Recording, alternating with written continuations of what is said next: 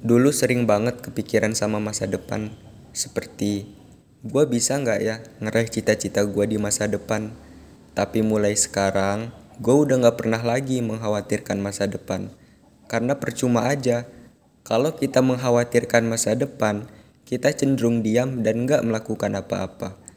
Daripada mengkhawatirkan, lebih baik kita mempersiapkan. Kita nggak bisa melakukan apa pun tanpa Allah tapi kita bisa menggapai segalanya dengan izin Allah. Amin.